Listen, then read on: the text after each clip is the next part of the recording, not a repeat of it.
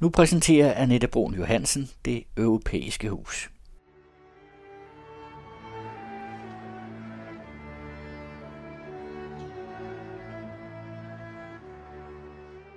Velkommen til programserien Det Europæiske Hus mellem trusler og håb. Den anden radios aktuelle programserie om EU og det europæiske samarbejde lige nu og i de kommende år.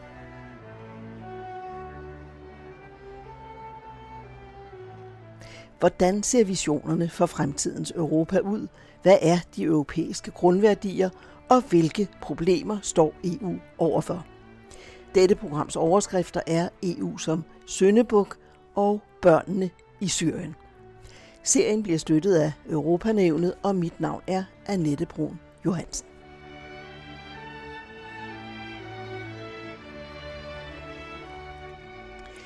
EU som Søndebuk. EU's mindre medlemsstater, inklusive Danmark og Østrig, havde nul vacciner, hvis ikke de havde deltaget i EU's fælles indkøbstur, siger EU-kommissionens formand Ursula von der Leyen, der er træt af at være søndebuk for andres besværligheder. Hendes reaktion kommer efter Mette Frederiksens og Sebastian Kurzes endags udflugt til Jerusalem. Oprindeligt var sundhedspolitik et nationalt anlæggende, men det har coronapandemien vendt op og ned på. På et møde sidste sommer mellem de 27 medlemslandes sundhedsministre, inklusive danske Magnus Heunicke, blev sundhedspolitik et fælles anlæggende og et fælles ansvar. Ove Weiss kommenterer. Hvad ville Mette Frederiksen med sin dagsudflugt til Jerusalem, hvorfra hun vendte tomhændt hjem lige bortset fra en fondsdannelse, som der ikke sat tal på. Israel er nok førende i indkøb af covid-19-vaccine, i øvrigt størstedelen fra EU, men producerer ikke selv, hvad der kan ligge i en sprøjte. Kloge hoveder belærte ellers forud for udflugten om, at et sådan arrangement ikke stables på benene, uden at diplomatiet har været på overarbejde og lagt alt til rette, kun underskrifterne manglede. Men på hvad? I stedet blev Mette Frederiksen fedtet ind i den reaktionære og korruptionssigtede Benjamin Netanyahus valgkamp. Den premierminister, om hvem hendes mentor Mogens Lykketoft har sagt, citat, den stadigt mere ensrettede meningsdannelse og autoritære samfundsudvikling under Netanyahus styre. Med sit trioløb underminerer Mette Frederiksen en fortsat fælles europæisk vaccinestrategi, skrev politikens kommentator Noah Reddington, tidligere rådgiver for hendes forgænger i statsministerstolen, partifælden Helle thorning Schmidt, og han fortsatte citat. I eksempelvis Belgien, Holland, Tjekkiet, Sverige, Tyskland og Spanien bliver der eller vil der blive produceret covid-19 vaccine.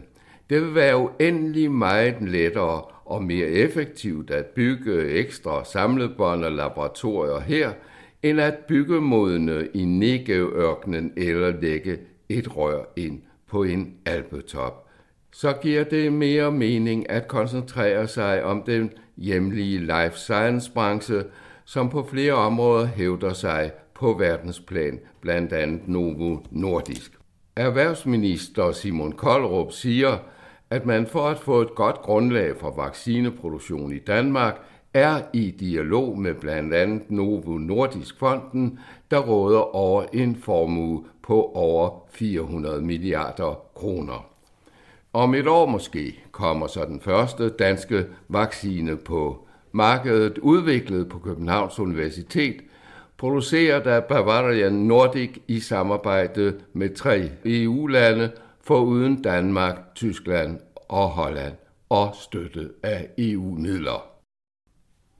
På vej til Israel pikkede Mette Frederiksen den nationalkonservative kansler Sebastian Kurz op i Wien i sit Challenger-fly, så de sammen kunne møde Netanyahu standsmæssigt. Og der blev sat endnu en streg under Frederiksen og Kurz som EU's nye team enfant terrible. Første gang var, da de sammen udgjorde halvdelen af EU's sparebande. Tyskland og Frankrig var blevet enige om en stor genopretningsfond, der indeholdt yderligere bidrag, cirka 500 milliarder euro, som skulle gives direkte til andre EU-lande, som var særligt hårdt ramt af coronapandemien. Det gik Danmark og Østrig imod. Med til historien om udflugten til Israel hører også, at den norske statsminister konservativ Erne Solberg fik tilbud om at være medpassager, men afslog med begrundelsen, der blev lavet en vurdering af, hvorvidt vi havde mere at hente på at samarbejde med Israel. Den sundhedsfaglige vurdering var, at det havde vi ikke. Men Kurz er for alvor kommet i modvind. Medlemmer af det europæiske konservative parti EPP, hvor Kurz parti ØVP er medlem, kaldte rejsen med Mette Frederiksen et stort show. Men inden den, altså rejsen, talte Kurz med den tyske tabloidavis Bild, og her sagde han, at EU's medicinalagentur EMA, det svarer til vores lægemiddelstyrelse, som godkender vacciner, er alt for langsom, og at Østrig ikke længere, citat, kun skulle være afhængig af EU, når næste generation af vacciner skal produceres. Sebastian Kurz har nemlig hele tiden haft sin udsending, i øvrigt også partifælde, Clemens Auer siddende helt centralt i EU's vaccineprogram.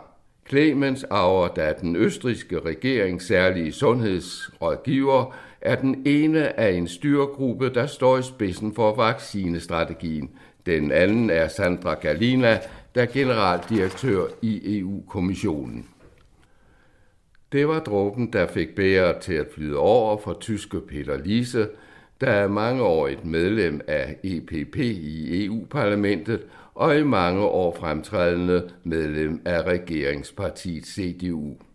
For mig handler det om, at Kurs og Frederiksen vil sole sig i Israels vaccinekampagne. Det bringer bare ikke flere vacciner til borgerne i Danmark og Østrig, og som læge må jeg sige, at man bør undgå al unødig udrejse, siger Peter Lise. Og så gør det heller ikke sagen bedre, at Ungarns Viktor Orbán, som netop er blevet udelukket fra EPP-gruppen på grund af sine højre nationale synspunkter, har hyldet udflugten til Israel og sagt, at den ville han godt være med på, og at han i øvrigt bakker op om forskningsfonden.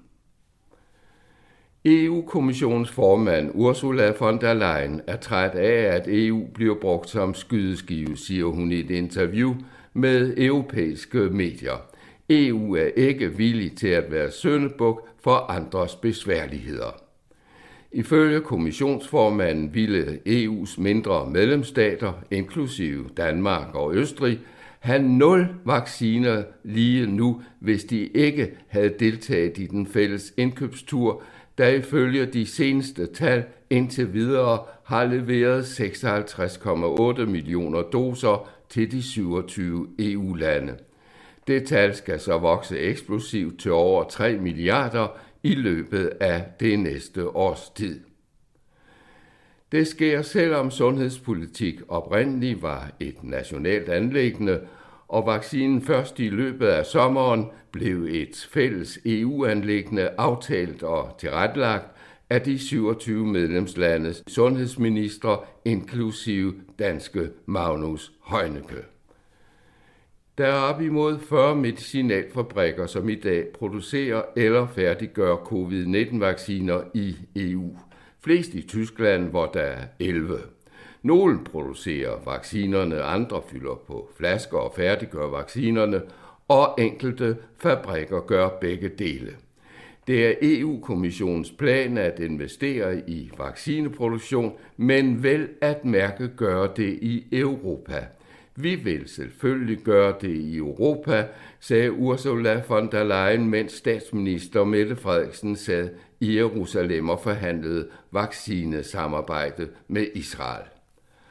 Forløbig har store EU-lande som Frankrig, Tyskland, Italien og Spanien indgået aftale med Rusland om at kunne producere Sputnik 5-vaccinen.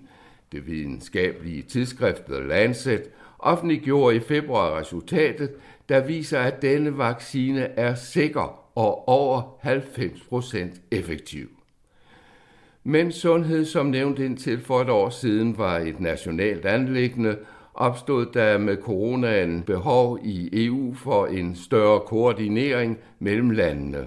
Derfor ønsket om en egentlig sundhedsunion, så Bruxelles er bedre rustet til fremtidige pandemier.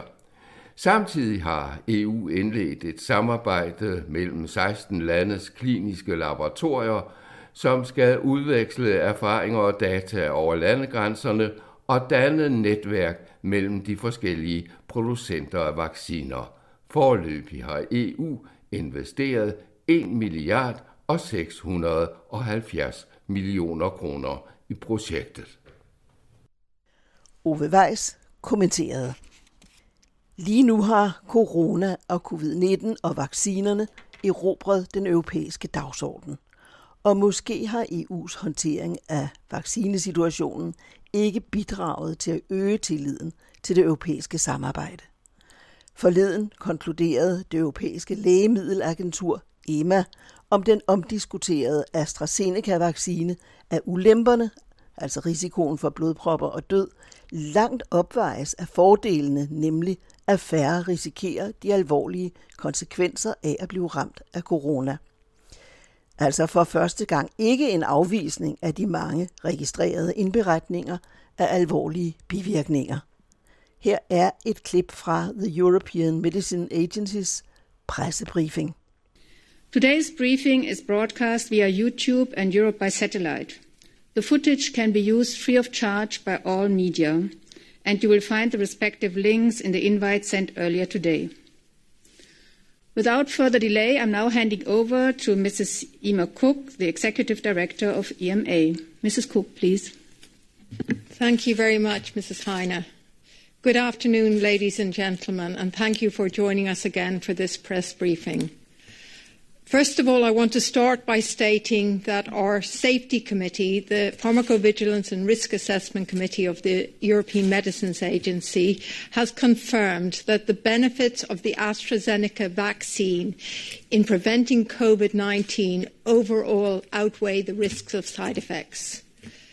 COVID 19 is a very serious disease with high hospitalization and death rates, and every day COVID is still causing thousands of deaths across the EU. This vaccine has proven to be highly effective. It prevents sev- severe disease and hospitalization, and it is saving lives.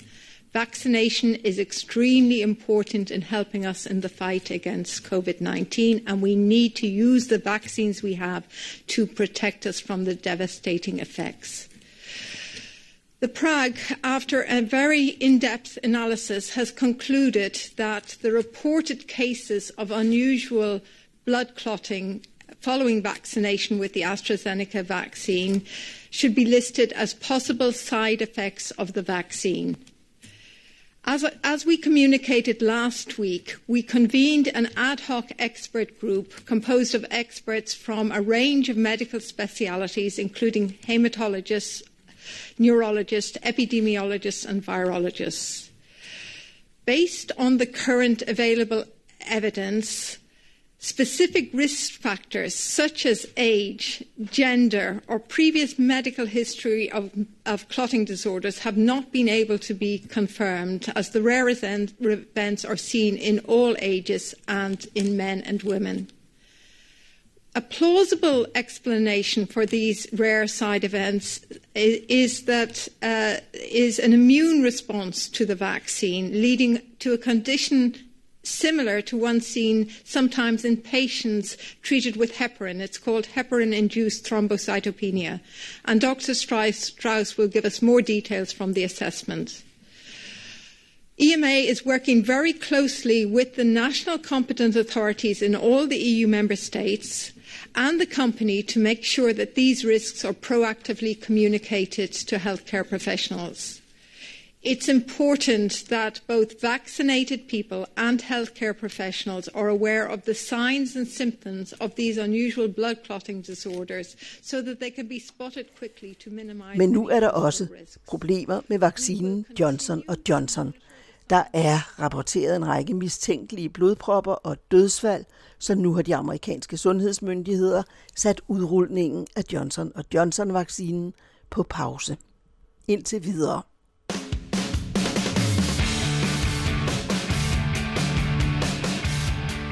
Rolling Stones-ikonet Mick Jagger har sammen med Dave Grohl udgivet en coronasang, Easy Sleazy.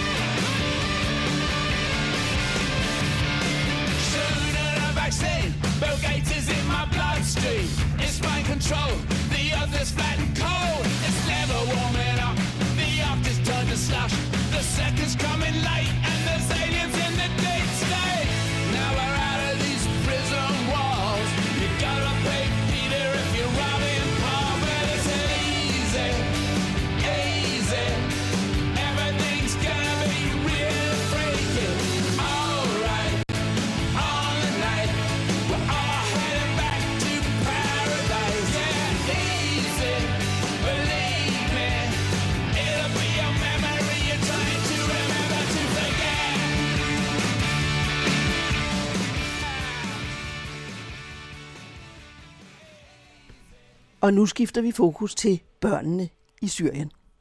Som de eneste af den 145 medlemmer store socialdemokratiske gruppe i EU-parlamentet stemte de tre danske socialdemokrater for nylig imod at hente børnene hjem fra fangelejrene i Syrien. De fulgte dermed regeringens indstilling. Her hjemme vokser presset fra støttepartierne, som truer med parlamentariske konsekvenser. For sagen om de efterladte danske børn i Syrien har ikke blot et moralsk aspekt. Den strider mod international lov. Ydermere vurderer terroreksperter i politiets efterretningstjeneste, at risikoen er større ved at lade børnene blive i lejrene på grund af radikalisering. Ove Weiss kommenterer. EU-parlamentet opfordrer alle EU's medlemslande til at tilbagetage alle europæiske børn under hensyntagen til deres specifikke familiesituation og barnets tag som den primære overvejelse, og for at yde den nødvendige støtte til deres rehabilitering og reintegration i fuld overensstemmelse med international lov.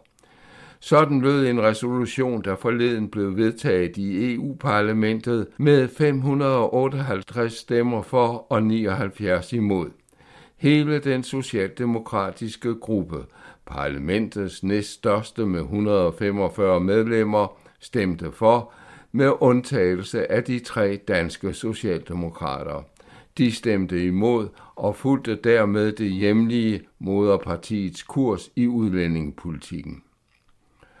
Forud havde den socialdemokratiske gruppe haft spørgsmål til debat. Efter den var stemmefordelingen 132 for og 4 imod, resten var fraværende. De fire var de tre socialdemokrater plus en græker, der ved den endelige afstemning stemte for Danmarks isolation, var påfaldende.